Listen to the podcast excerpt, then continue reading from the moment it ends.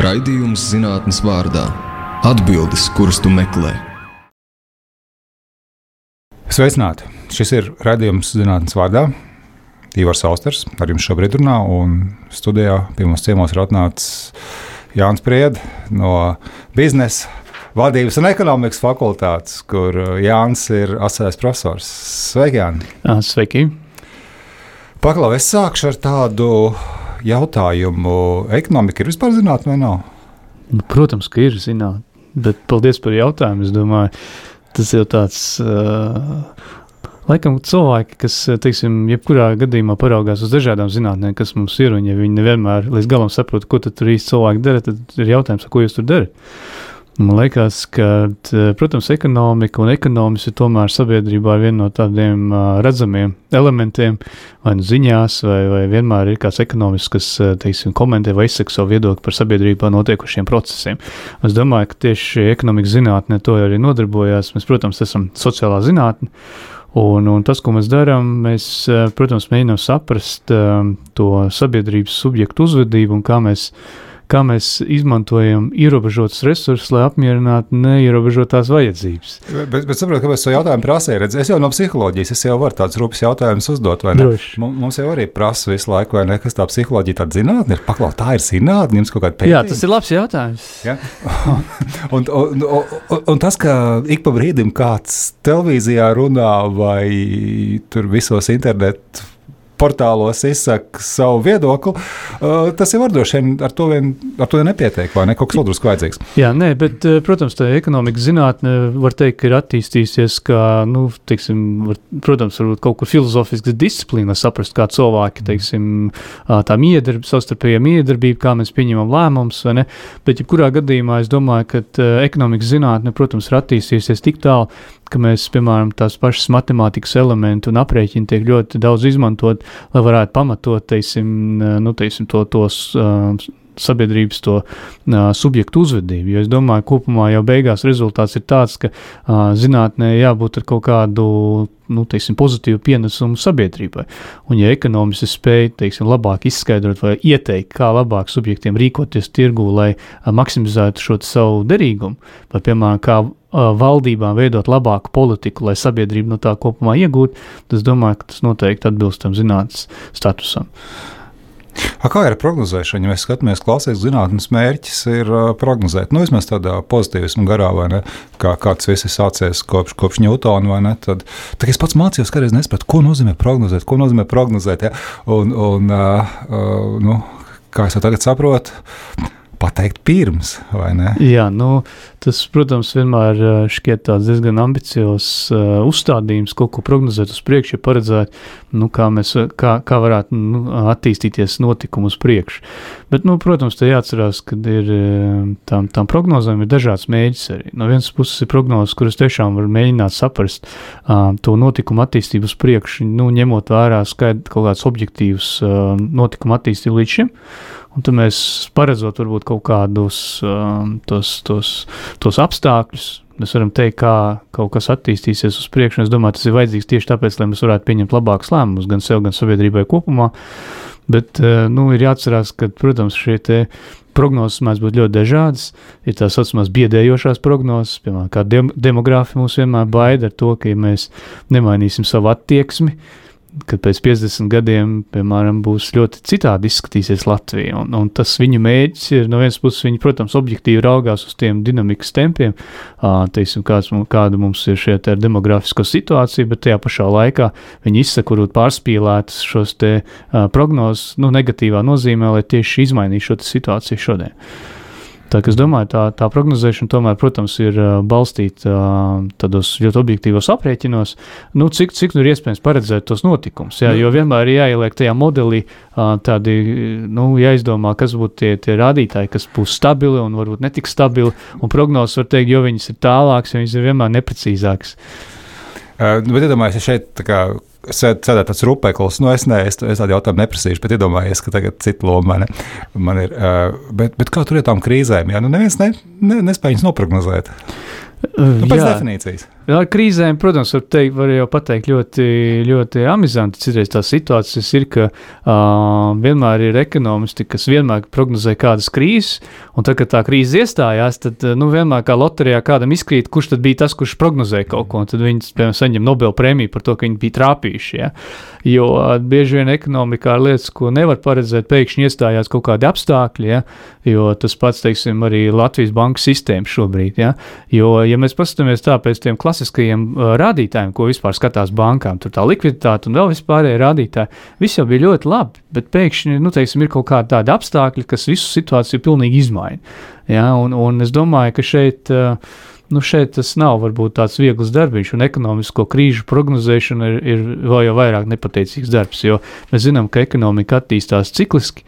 Tas nozīmē, ka ar, ar, lielu, ar lielu varbūtību var prognozēt, ka būs vēl kāda krīze. Tikai kad tā iestāsies un, un no kurienes tā nāks, tas ir atkal grūtāks jautājums.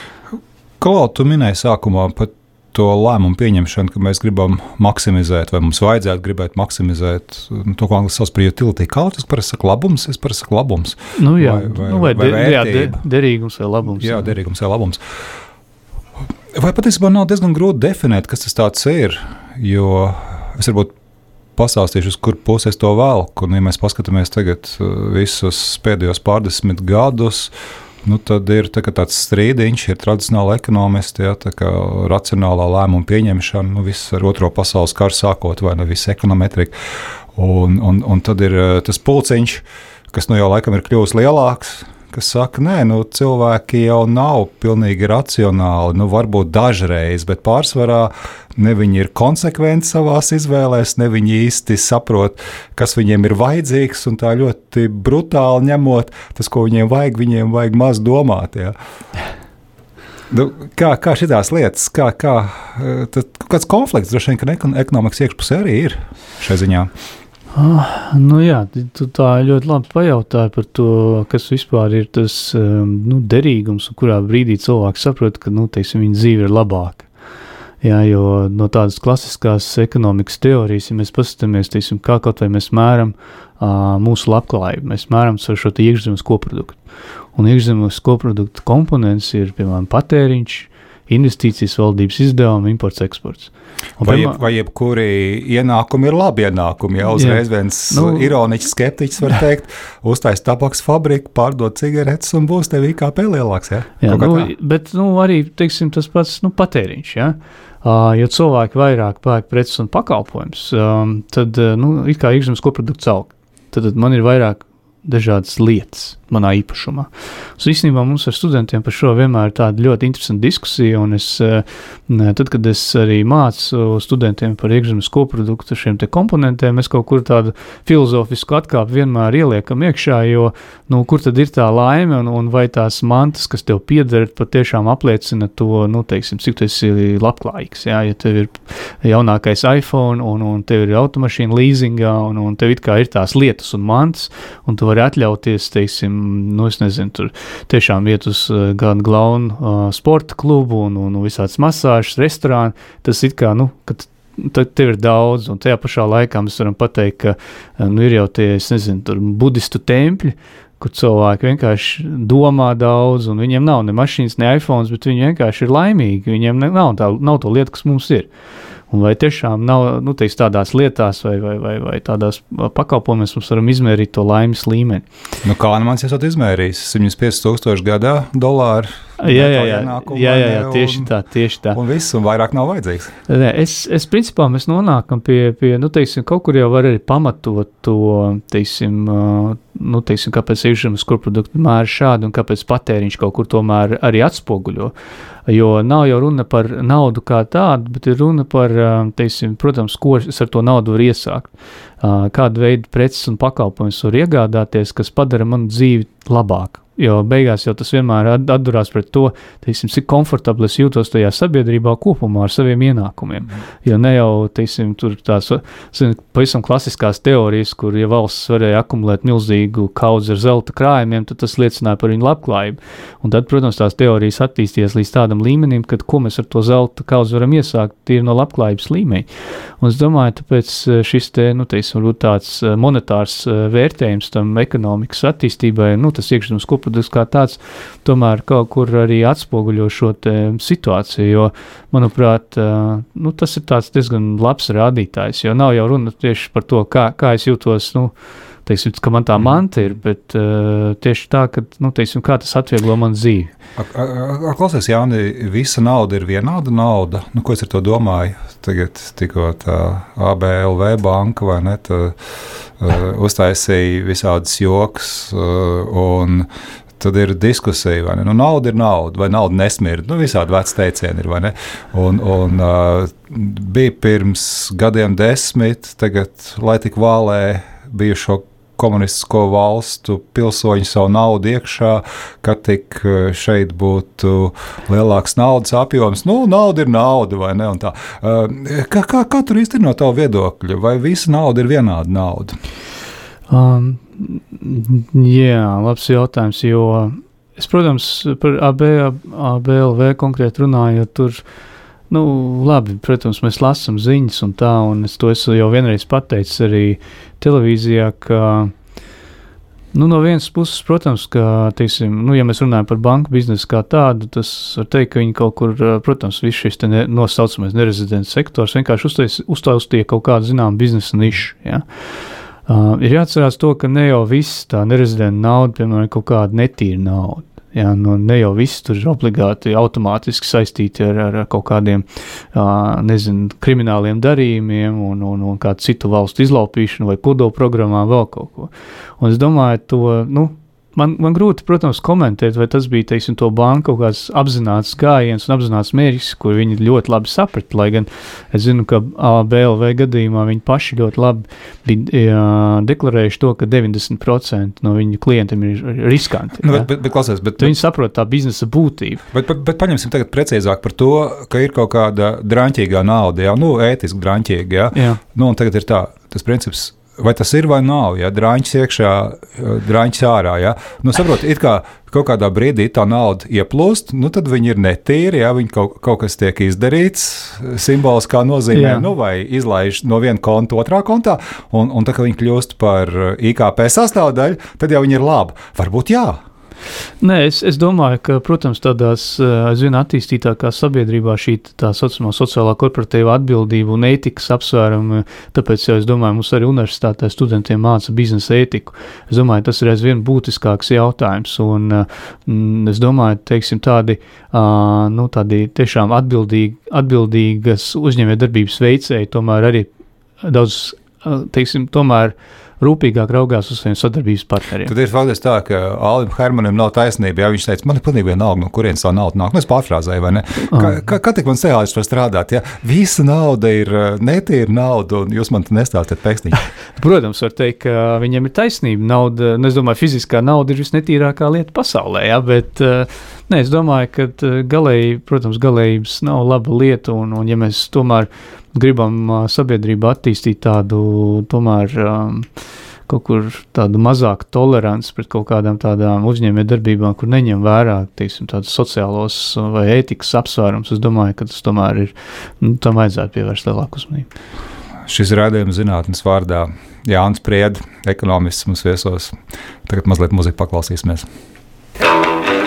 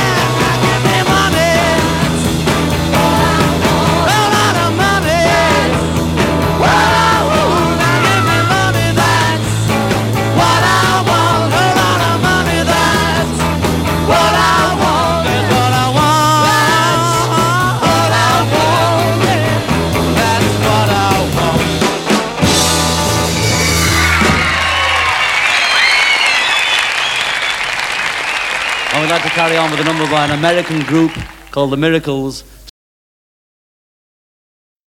Radījuma zinātnes vārdā Jānis Priedis, ekonomists, asociēts profesors no universitātes, mums viesos. Man, es esmu Ivars Austers. Un eh, es vēl dažus jautājumus Jānim uzdošu. Mēs sākām runāt par to, uh, kas ir labā nauda, kas ir sliktā nauda, kas vispār ir uh, vērtība, pēc kā ir vērts tiekties no ekonomikas pozīcijām, raugoties, un ko vispār ekonomika var pro prognozēt. Bet, Klau, Jānis, ir vēl viens uh, ļoti interesants jautājums, kas man vienmēr ir mulsinājis.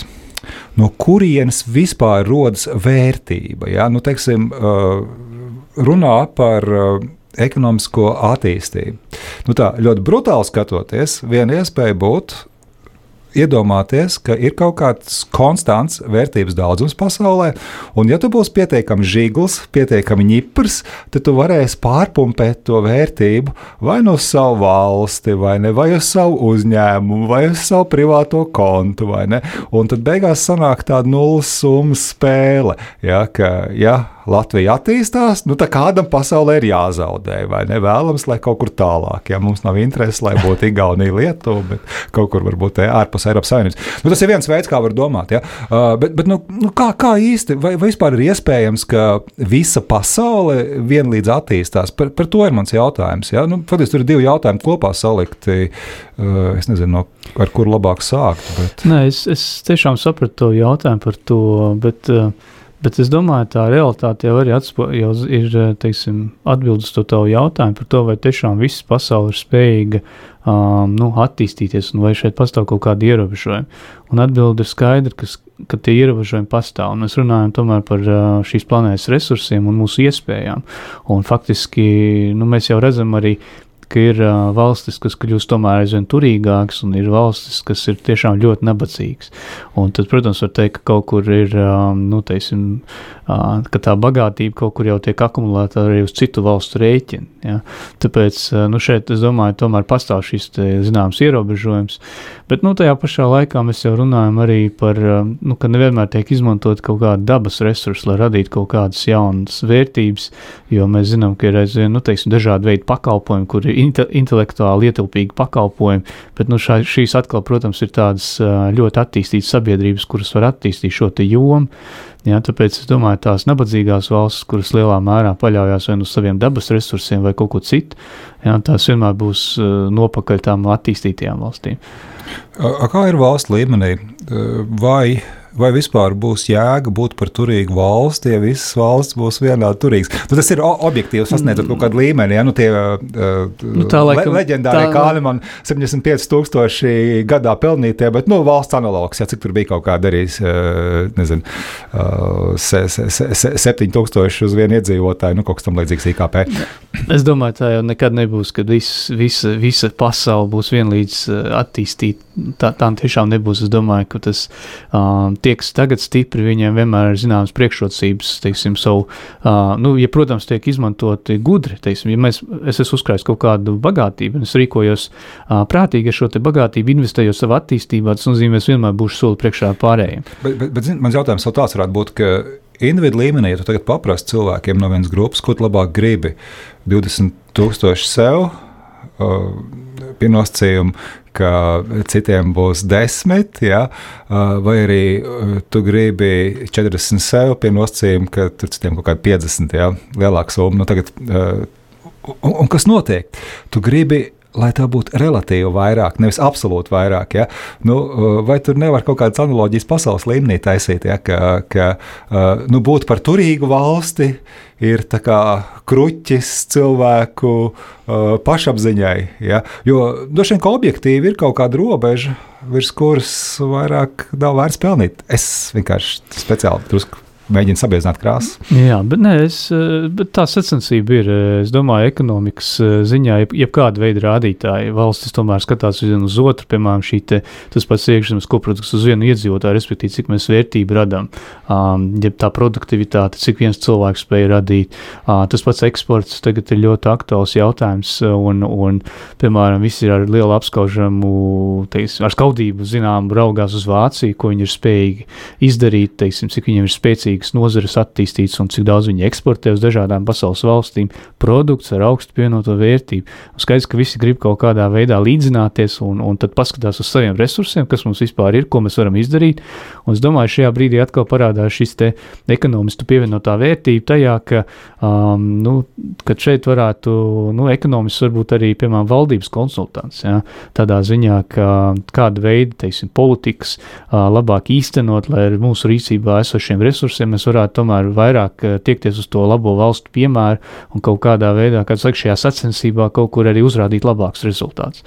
Bet, nu, man liekas, tomēr tas vienmēr tā ir bijis, ka kādas valsts ir, ir daudzreiz uh, attīstītākas par pārējām, un vienkārši tāpēc, ka viņiem ir šis starta šāviens, ir bijis kaut kur daudzreiz ātrāk, un, tā pa, panākšana ir ļoti grūta. Tādu skumju ainzīmē, ja, Nu, kā, nu, ja, ja kāds ir tev divi aplis priekšā, un tev, Bet, zini, kā viņi saka, tā, pirms simts gadiem, vai ne? Mēs bijām tādi paši kā Somija, vai ne? Somija vēl bija, patiesībā mēs bijām. vai Norvēģija vēl, vēl labāks jā, piemērs. Vēl, vēl labāks piemērs, jā. Nu, labi, Norvēģija nejauši. Viņiem paveicās, jā.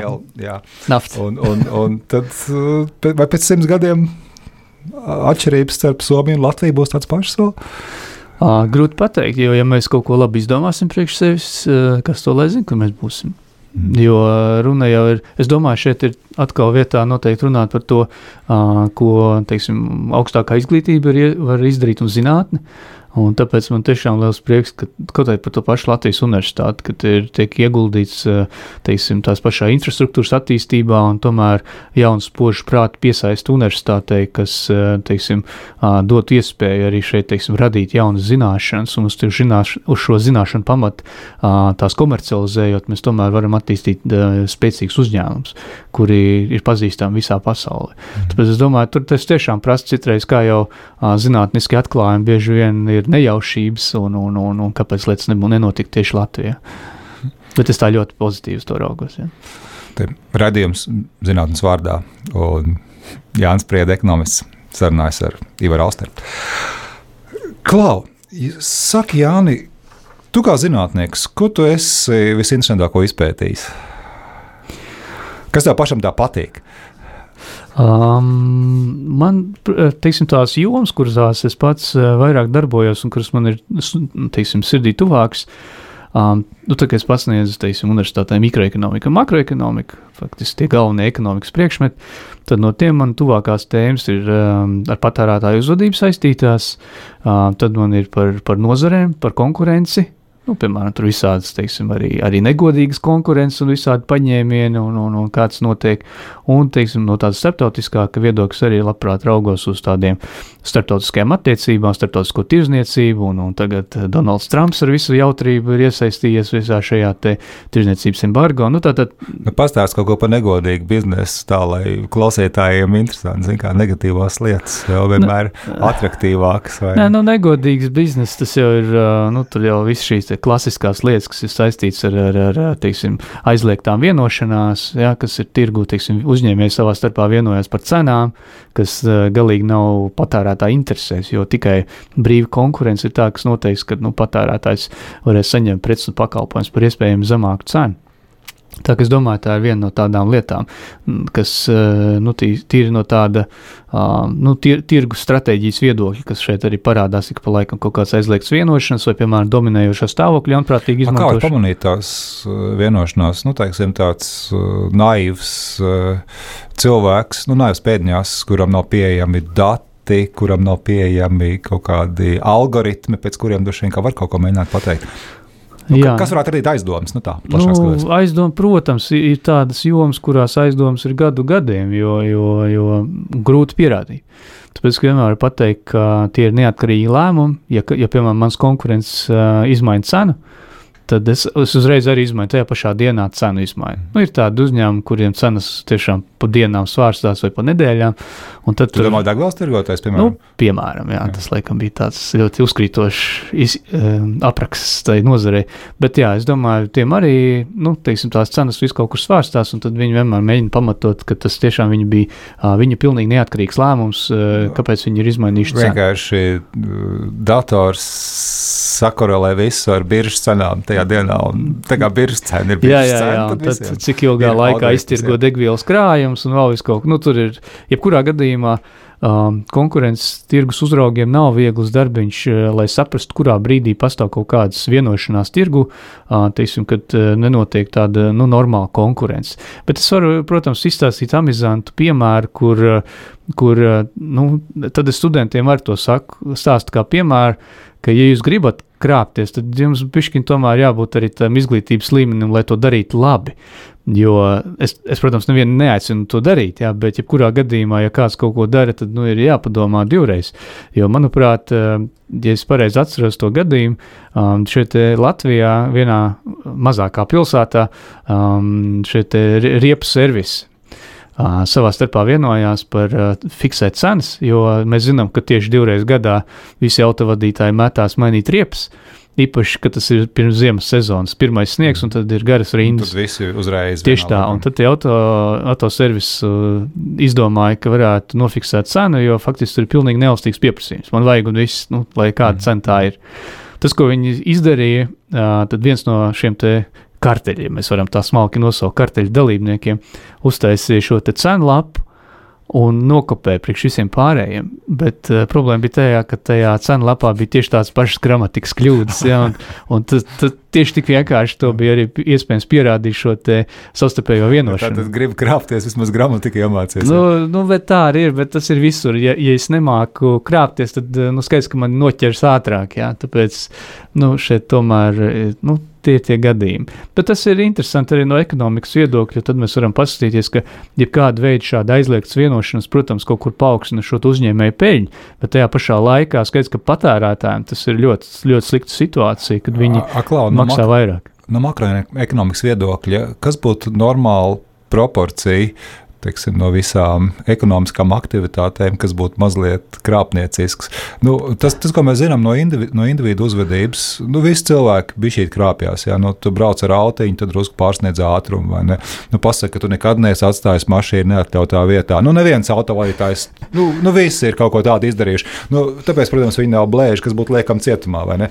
Vai, vai, ja, ja vien ir iespējams, mēs kādreiz kaut ko nenodeklarējam uh, attiecībā uz nodokļiem. Ir, e, mēs maksājam nodokļus, bet nu, ir kaut kāda summa, kaut kāda proporcija, tādu šodien drīzāk domāt, kā cilvēki domā, nu, teiksim, līdz kādiem 10% no tā, ko es daru, nu, tā vēl nav uh, krāpniecība. Es sev varu saglabāt to godīgā cilvēka tēlu. Ja? Nu, tā kā, kad tu brauc ar autiņu, kā griežas pie tā piemēra, nu, līdz 10 km/h, nu, tas jau tā, nu, tas jau normāli, vai ne? Nu, Bet es ar citu par tiem sodiem, es tā, es tā sāku domāt, man liekas, es tagad atceros tādu interesantu pētījumu par, par nu, līdz, līdz kurai robežai tur var kaut kā vai krāpties, un, un, un līdz kurai, nu, kad tu saki tie plus desmit, jā, ātrumam.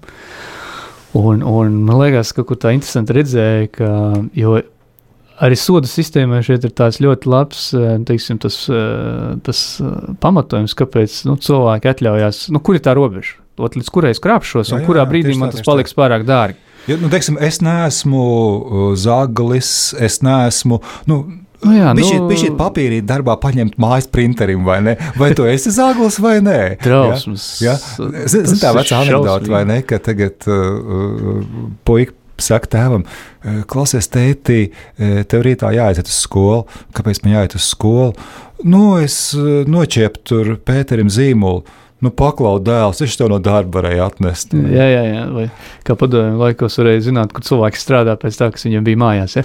Nu, jā. Bet eh, ne, es, es tagad domāju par to sodu sistēmu, jo, piemēram, mēs zinām, ka par tādiem maziem pārkāpumiem tie sodi ir relatīvi maz nelieli. Nu, teorētiski var teikt, ka ir neuzmanības, neuzmanības vai vēl kaut kā, bet uh, tur, piemēram, uh, sanāk, ka tie mazie sodi vienalga ģenerē zinām ienākumu budžetā. Mm -hmm. Un, ja tie sodi būtu ārkārtīgi lieli, tad neviens tādas aktivitātes neveiktu. Nu, piemēram, par plus 10 jā, vai plus jā, 5. Jā, jā, es saprotu. Ir ma makroekonomiskais Nu, piemēram, ja, nu, tas sanāk, tas tiek soda līmenis tiek noteikts tāds, ka jebkurā gadījumā tas nav nekas uh, briesmīgs, kas notiek. Nu, teiksim, tie plus 10, jā, tas nav nekas tāds uh, nenormāls pārkāpums, bet teorētiski, ja par to var nedaudz sodīt, tas jebkurā gadījumā ģenerē kaut kādu ienākumu. Ja? Bet, nu, es tā, protams, pārspīlēju, to atceros kā pētījumu kas eh, lielā mērā paskaidroja, kā sodu sistēma citreiz tiek veidota. Protams, ka ir kaut kādi ļoti nopietni pārkāpumi, par kuriem nu, teiksim, tas, tas sots ir jābūt tik liels, lai, lai momentā izmainītu šo cilvēku individu uzvedību. Ja?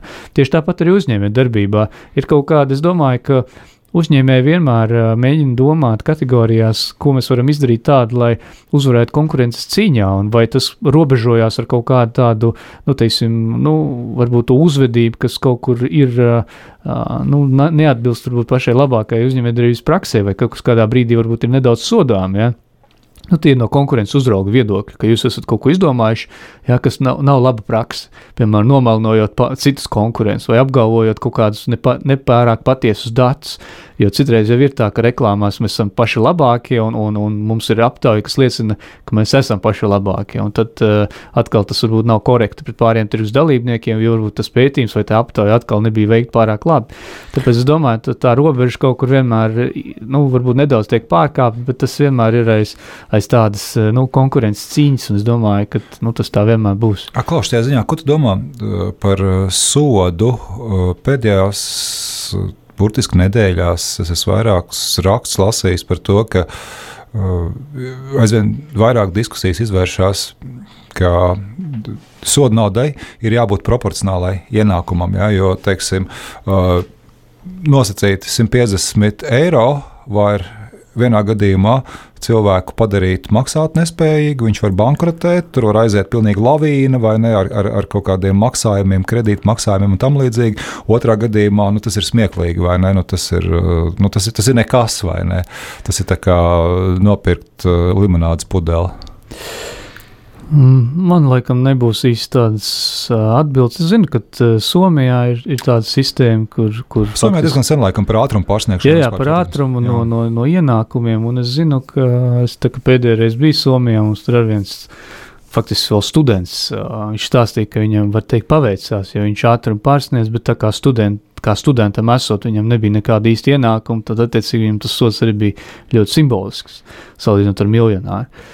Nu, kaut kur, protams, var runāt par zināmu taisnīgumu un tā, bet tajā pašā laikā mēs arī zinām, ka ne visiem tur, nu, teiksim, tie ienākumi ir, teiksim, tik ļoti oficiāli uzrādīti, un, un nu, tad kaut kādā brīdī arī tas, tas taisnīgums pazūd tajā brīdī, kur atdurās pret oficiālo, nu, teiksim, ienākumu.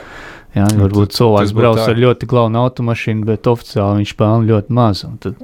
Nu, tas, tas būtu jāsajauc kopā ar, arī nu, ar nodokļu uh, apsaimniekošanu plašā nozīmē.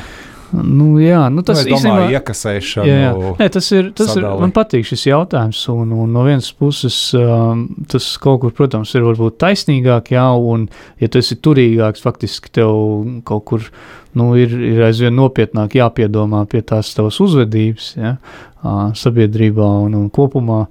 Bet, nu, jā, es domāju, ka man šī noteikti nebūs tāda viennozīmīga atbilde. Tad mēs drusku padomāsim, tagad būs Jā. muzikālā pauze, zinātnes vārdā Ivars Austers un Jānis Priedis sarunājas studijā. Pēc brītiņa mēs turpināsim sarunu.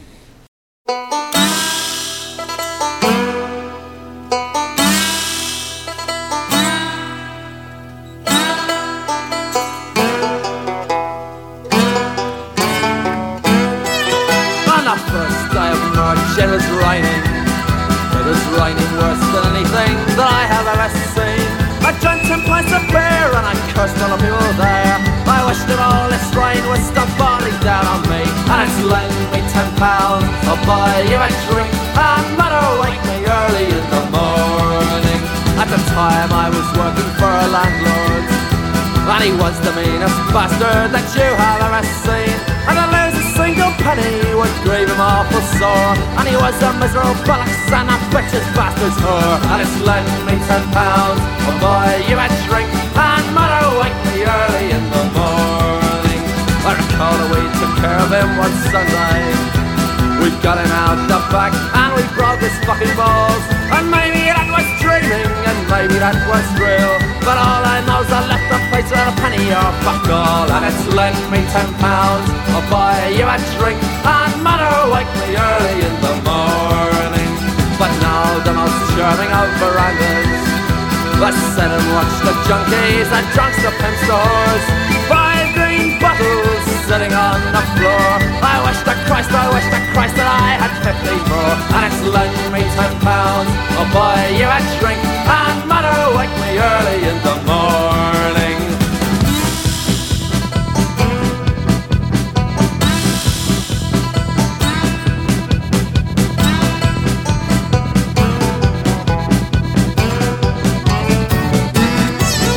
And it's lent me ten pounds, I'll buy you a drink And mother wake me early in the morning. The boys and me are drunk and looking for you. We'll eat your friggin' entrails and we won't give a damn. Me daddy was a bloodshed and my mother a madame My brother earned his medals at my lay in Vietnam. And it's lent me ten pounds, I'll buy you a drink And mother wake me early in the morning. On the first day of March it was raining It was raining worse than anything that I have ever seen. Stay on the other side of the road cause you can never tell. We're a thrust like a gang of devils We're the in the county hell. And it's lent me ten pounds I'll buy you a drink And mother wake me early in the morning. And it's lent me ten pounds I'll buy you a drink And mother wake me early in the morning. Radījuma zinātnes vārdā pie mums ir Jānis Priedes, ekonomists no Latvijas Universitātes. Un, uh, es esmu Ivars Alsters. Mēs jau te visādas tēmas pārunājām, bet es zinu, Jāni, ka tev vismaz pēdējā laikā noteikti, un droši vien arī senāk, uh, lai gan ļoti sen tas nevar būt, tev interesē jautājumu lokus, kas ir ap beznosacījumu pamatu ienākumu. Kas tas ir? Cilvēkiem dod naudu vienkārši tāpēc, ka viņi tādi ir, ka viņi paprasa, ka viņi kaut ko grib darīt, vai gluži pretēji, viņi kaut ko negrib darīt. Kas tas ir? Jā, uh, nu, visādā ziņā šis ir tas temats, ko mēs uh, kopā ar fakultātes dekānu Gunteru Bērziņu pēdējā laikā esam uh, vienkārši nu, atsevišķus rakstus uzrakstījuši, lai pievērstu tam uzmanību. Uh, bet tas noteikti nav nekas tāds, kas nu, teiksim, iestāsies rīt. Mēs vienkārši par to gribējām parunāt, jo tas ir interesanta koncepcija. Ja no vienas puses var teikt, ka tas patiešām uh, nu, nav nekas jauns, jo, jo uh, 16. gadsimtā Tomas Mors uzrakstot grāmatu Utopija jau zināmā mērā iezīmē šīs lietas, un ik pa laikam tajā ekonomikas teorijā kaut kur tas uzpeld jautājums. Bet kas ir tas um, beznosacījuma pamat ienākums, ir angļu valodā Universal Basic Income? Um, Stāsti par to, ka cilvēkiem, neatkarīgi no tā, ko viņi dara, viņiem tiek maksā no valsts, viņiem maksā katru mēnesi um, zinām, teiksim, ienākumu, kas nosacīs viņu pamatvajadzības. Un tāpēc viņš sauc Cik tas būtu Latvijā šobrīd? Plus mīnus. Droši vien uh, kaut kas iztiks minimuma līmenī vai kaut kur tuvu minimālajai algai, lai gan valsts, ja tā godīgi Nav droši absolūtos skaitļos. šaubos, vai to varētu. 300, 400. Ne 400 tas būtu Daudz. daudz, bet nu, kaut kur 300 vai 200. Nu, kaut kādās Jā, tādās jā. robežās. Nu, piemēram, 200 eiro. Mhm. Ja? Un stāsts būtu par to, ka uh, tā sistēma būtu, protams, tās modifikācijas tajā sistēmā ir ļoti dažādas. Piemēram, maksā tiem, kam vispār nekā nav, vai maksā visiem neatkarīgi no nekā. Bet, piemēram, ja mēs izskatām variantu, ka maksā neatkarīgi no nekā, nav svarīgi, ko tu dari dzīvē. Ir cilvēki, kuriem tiešām nav darba, un viņiem šis te vismaz tas beznosacījuma pamats Bet to kā profesoram ar vēl, vēl būtu 200 vairāk mēnesī. Jā, Jā, Vis, pilnīgi, jā, visiem. Mhm. Pilnīgi visiem. Arī miljonāriem. Mhm. Arī visiem miljonāriem mūsu Latvijā Mhm. arī būtu no valsts, viņiem maksā 200 eiro. Um, un, uh, tas būtu principā tik vienkārši un primitīvs sistēma, kas, piemēram, no administratīvā viedokļa uzreiz uh, atvieglo jebkādu veidu aprēķinus. Es zinu, kā citreiz cilvēkam tur, tur kāds stāsts ir, kāds šitās, nu, teiksim, ja pazaudē darbu, bezdarbnieku pabalstu stāsts, šitā, viss šitais, viss atkrīt. Ir vienkārši ļoti vienkārši. Tu esi Latvijas iedzīvotājs, kurš šeit dzīvo, tev lūk, ir 200-300 eiro mēnesī. Un, un dari, ko tu gribi ar to naudu. Mm -hmm. Stāsts ir par to, ka nav jau runa par to, ka, teiksim, vai es vai, vai kāds miljonārs saņem tos 200 eiro vairāk, kas īpaši miljonāriem tas, teiksim, tādā, nu, viņi to Nu, tā īpaši neizjūt. Atgriežoties pie tās tēmas, ko mēs pirms dziesmas runājām, ka nu, divas tādas vidēji apjomas sodu naudas vienkārši. Jā, nu, vai, vai tieši tā, nu, kad no, Tagad var pavālēt ar jā. autiņu. Ja? Tieši tā var nosponsorēt eh, šo te braucienu līdz jūrmalē. Bet, um, bet stāsts ir par, par kaut ko mazliet citu. Uh, Pasaulē tagad pēdējā laikā um, ir valstis, nu, vai nevalstiskās organizācijas visādas veids eksperimentus. Tās gan pagaidām ir tādas ciemata līmenī. Uh, neviens vēl nav uzdrošinājies teiksim, to tādā lielākā mērogā veikt šo eksperimentu. Bet runa ir par tādiem ciematiem. Nu, kaut kur Āfrikā un, starp citu, arī attīstītākā valstī Somijā. Un tad nu, ar cilvēkiem, piemēram, nu, kur tā situācija varbūt nav pārāk laba, ir diezgan liels bezdarbs, un tad viņi ievieš šo beznosacījumu ienākumu. Cilvēkiem pēkšņi no nekurienes vienkārši dod naudu, tāpēc, ka viņš ir. Un tad viņi skatās, kas, kas tajā brīdī notiek. Nu, kāds atsaucās gan uz šiem cilvēkiem, gan arī uz kaut kādu finansiālo situāciju. Tas ir tā- tās diezgan racionāls, jo, ja cilvēkam dod naudu, tāpat viņš pirks preces un pakalpojumus par šo naudu. Tas nozīmē, ka nauda tāpat atgriežas ar nodokļiem atpakaļ valstī kaut kāda daļa. Un tas, protams, arī teiksim, vietējiem uzņēmējiem tas ir labi. Un vēl viena lieta, būtiska lieta, protams, ir tas, ka uh, šie cilvēki tiek uzreiz izrauti ārā no nabadzības. Kas droši vien pats sliktākais, kas var notikt, jo teiksim, ir, ir pazaudēta cerība, un, un, un šis cilvēks vairs ne, nevar tik viegli atgriezties darba tirgu jā, un nonāca uz ielas. Nu, teiksim, arī no ekonomikas viedokļa, es, protams, ļoti atvainojos, ka tas ir tik ļoti brutāli, bet nu, runa arī par cilvēku resursiem. Mm -hmm. Tie ir tie cilvēki, kas varētu tomēr strādāt un arī kaut kādu vērtību radīt ekonomikā. Un eh, stāsts protams, par šī nabadzības mazināšanu. Tiklīdz ir samazināta nabadzība, uzreiz automātiski noziedzība krīt. Jā, jo, protams, cilvēki citreiz, es, do, es gribētu domāt, tomēr, ka lielākoties veids eh, noziegumu aiz izmisumu, jā, kad uh, nav, nav ko ēst, un tad faktiski nu, tad kaut kāda nozieguma tiek pastrādāta. Tad faktiski šis pamatienākums vairāk apkaro tieši šo te, teiksim, visas šīs te tās, eh, tās problēmas, kas saistītas ar nabadzību un noziedzību. Un kas, kas, ko viņi novēroja tālāk? Tajā brīdī, tad, kad cilvēks mazliet drošāk jūtas par savu nākotni, par rītdienu, viņš zina, ka viņam katru mēnesi būs šis te garantētais pamatienākums. Mhm. Viņi mazliet citādāk raugās uz to, ko viņi dzīvē varētu darīt. Nu, tomēr, teiksim, paskatās, varbūt varētu kaut ko iemācīties, vai kaut kādam hobijam pievērsties, vai galu galā arī kādu savu biznesu uzsākt. Jo, ja zini, ir tā, ka tev ir vismaz tie 200 eiro, bet nu, skaidrs ar to, ka nepietiek. Tas ir pamatienākums, tas var nodrošināt, nu, man ir ko ēst. Bet kaut kādā brīdī varētu parādīties šis te moments, kad gribās vairāk. Ja, un tad, un tad tā būtu motivācija kaut ko darīt. Un, uh, tad Un mēs Kurš eksperimentu rāda, jo redz, tāds uh, skeptiķis teikt, redz, cilvēks vienkārši pierod pie tā, kas ir, vai ne, viņš var izdzīvot, nu, dzīve nav izcila, bet, nu, mums jau lielai daļai vēl ir pieredze, uh, citam lielāk, citam mazāk no padomju savienības, jā, tev laikam ļoti minimāli, bet, bet, teiksim, es tie labi atceros, un, un, nu, skaidrs, es zināju, ka pasaulē dzīvo labāk, bet, nu, tāpat varēja kaut kā iztikt, jā, vai tur kaut kāds paralēls arī nav šitādā veidā. Um, faktiski īstenībā nu, tas ir tas moments, jā, ka, pa ko ir lielākās eh, bažas šajā modelī. Um, Starp citu, arī jau 14. gadā Šveicē noraidīja šo, bija referendums par to uh, pamatienākumu ieviešanu tiešām valstī, ko noraidīja arī Vācija, manuprāt, vairākus gadus atpakaļ Vācijas parlamentā spried par šo modeli. Un pa ko ir vislielākās bažas, ir tas, ka, nu, kad, kad tas tie mazā mēroga eksperimenti, kas tagad it kā uzrāda tiešām labus rezultātus, ja, ka tiešām cilvēki kaut kur nu, izrāda no nabadzības, un viņš tā kā vairāk domā, ka, ko varētu darīt dzīvē, un tādu lielāku pienesumu ja, sabiedrībai un ekonomikai kopumā. Tad uh, pat tas, par ko Vācija atkal un Šveicē ļoti sabažījās, ir tas, ka cilvēki sapratīs, ka viņam tas pamatienākums ir pietiekami liels, lai varētu nedarīt tieši neko. Mm Mhm, mhm. ka vi, viņi sāka bažīties par to motivāciju vispār strādāt.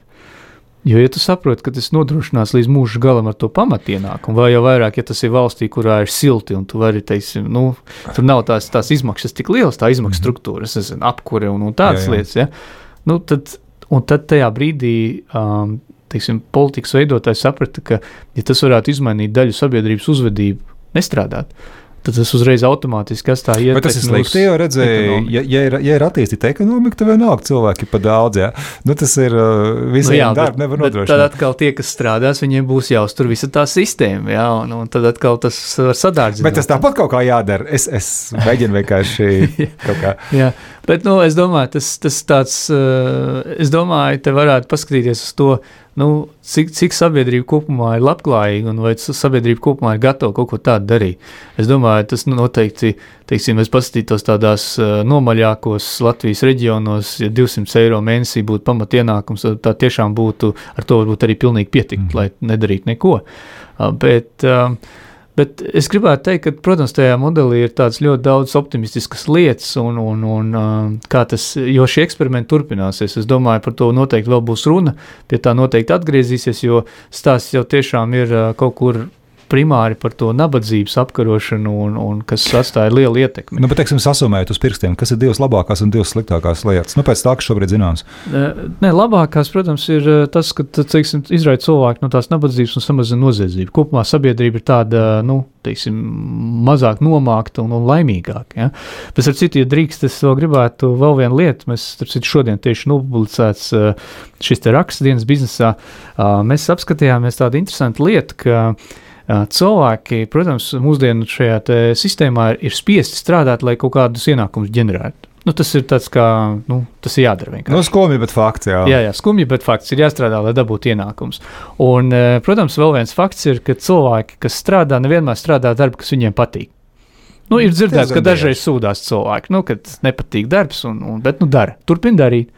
Un tas ir tas absurds, kad sanāk, ka es daru darbu, kas man nepatīk. Un plus, protams, tā kā es, teiksim, man tas darbs nepatīk, acīm redzot, es neesmu arī pats produktīvākais darbinieks šajā darba vietā, un iespējams arī mans atalgojums automātiski nav tik labs, kā es gribētu. Tas nozīmē, ka viss ir slikti.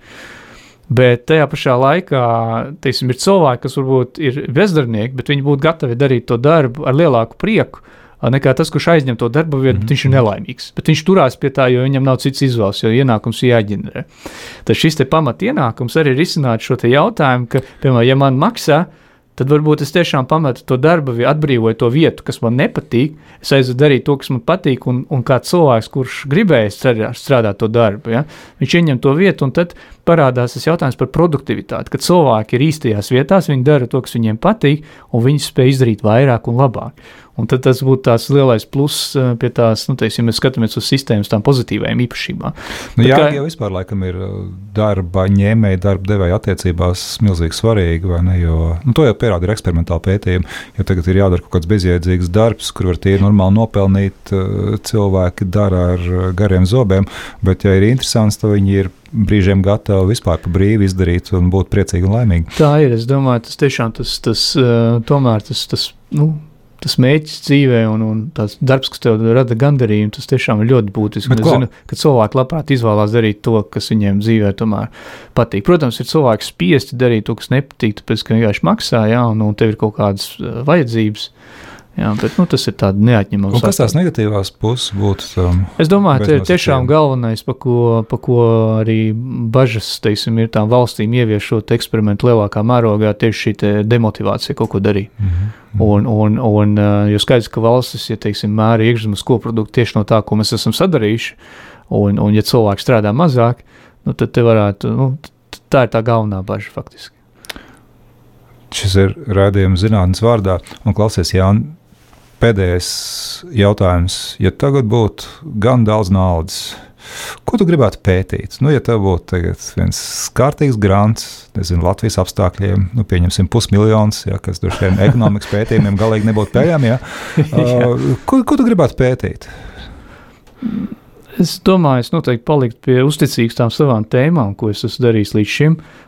Teiksim, tās pašas patērētāju uzvedības jautājumus, citu, nesen Mums bija tā lieliskā iespēja sadarboties ar patērētāju tiesību aizsardzības centru, lai mazliet saprastu labāk, kā cilvēki nu, teiksim, uzvedās tirgū, lai kaut ko aizņemtos un uzlabotu savu dzīvi. Jā, es domāju, ka šīs tēmas man ir tuvas. Es noteikti labprāt gribētu uh, paskatīties arī uz šiem pēdējā laikā aktuāliem starptautiskās tirzniecības jautājumiem un, un, un Donalda Trumpa uh, Twitter aktivitātēm. Faktiski kāds atsaucās uz uh, šo starptautisko tirzniecību starp Ameriku, Eiropu un, un tagad Brexits iet projām un Krievijas tirzniecības embargo. Tur ir, tur ir ļoti liels teiksim, šis te kokteils ar, ar starptautiskiem notikumiem, uh, kuri teiksim, ietekmē beig beigās visu mūsu dzīvi. Tā kā es domāju, ka te, te varētu tās, tās lietas, kas man ir līdz šim interesējušas, es tām noteikti paliktu arī uzticīgs arī turpmāk. Bet, ja tu zini, kur to pusmiljonu dabūtu, man pasaki. Jā, noteikti. noteikti. Tas varbūt kāds klausītājs ar tagad saprot pēc tā, ko tu teici. Paldies tev, Jāni. Jā, Radījums zinātnes vārdā. Un ekonomists Jānis Priedi bija visu šo stundu kopā ar mums studijā. Raidījums zinātnes vārdā - atbildes, kuras tu meklē.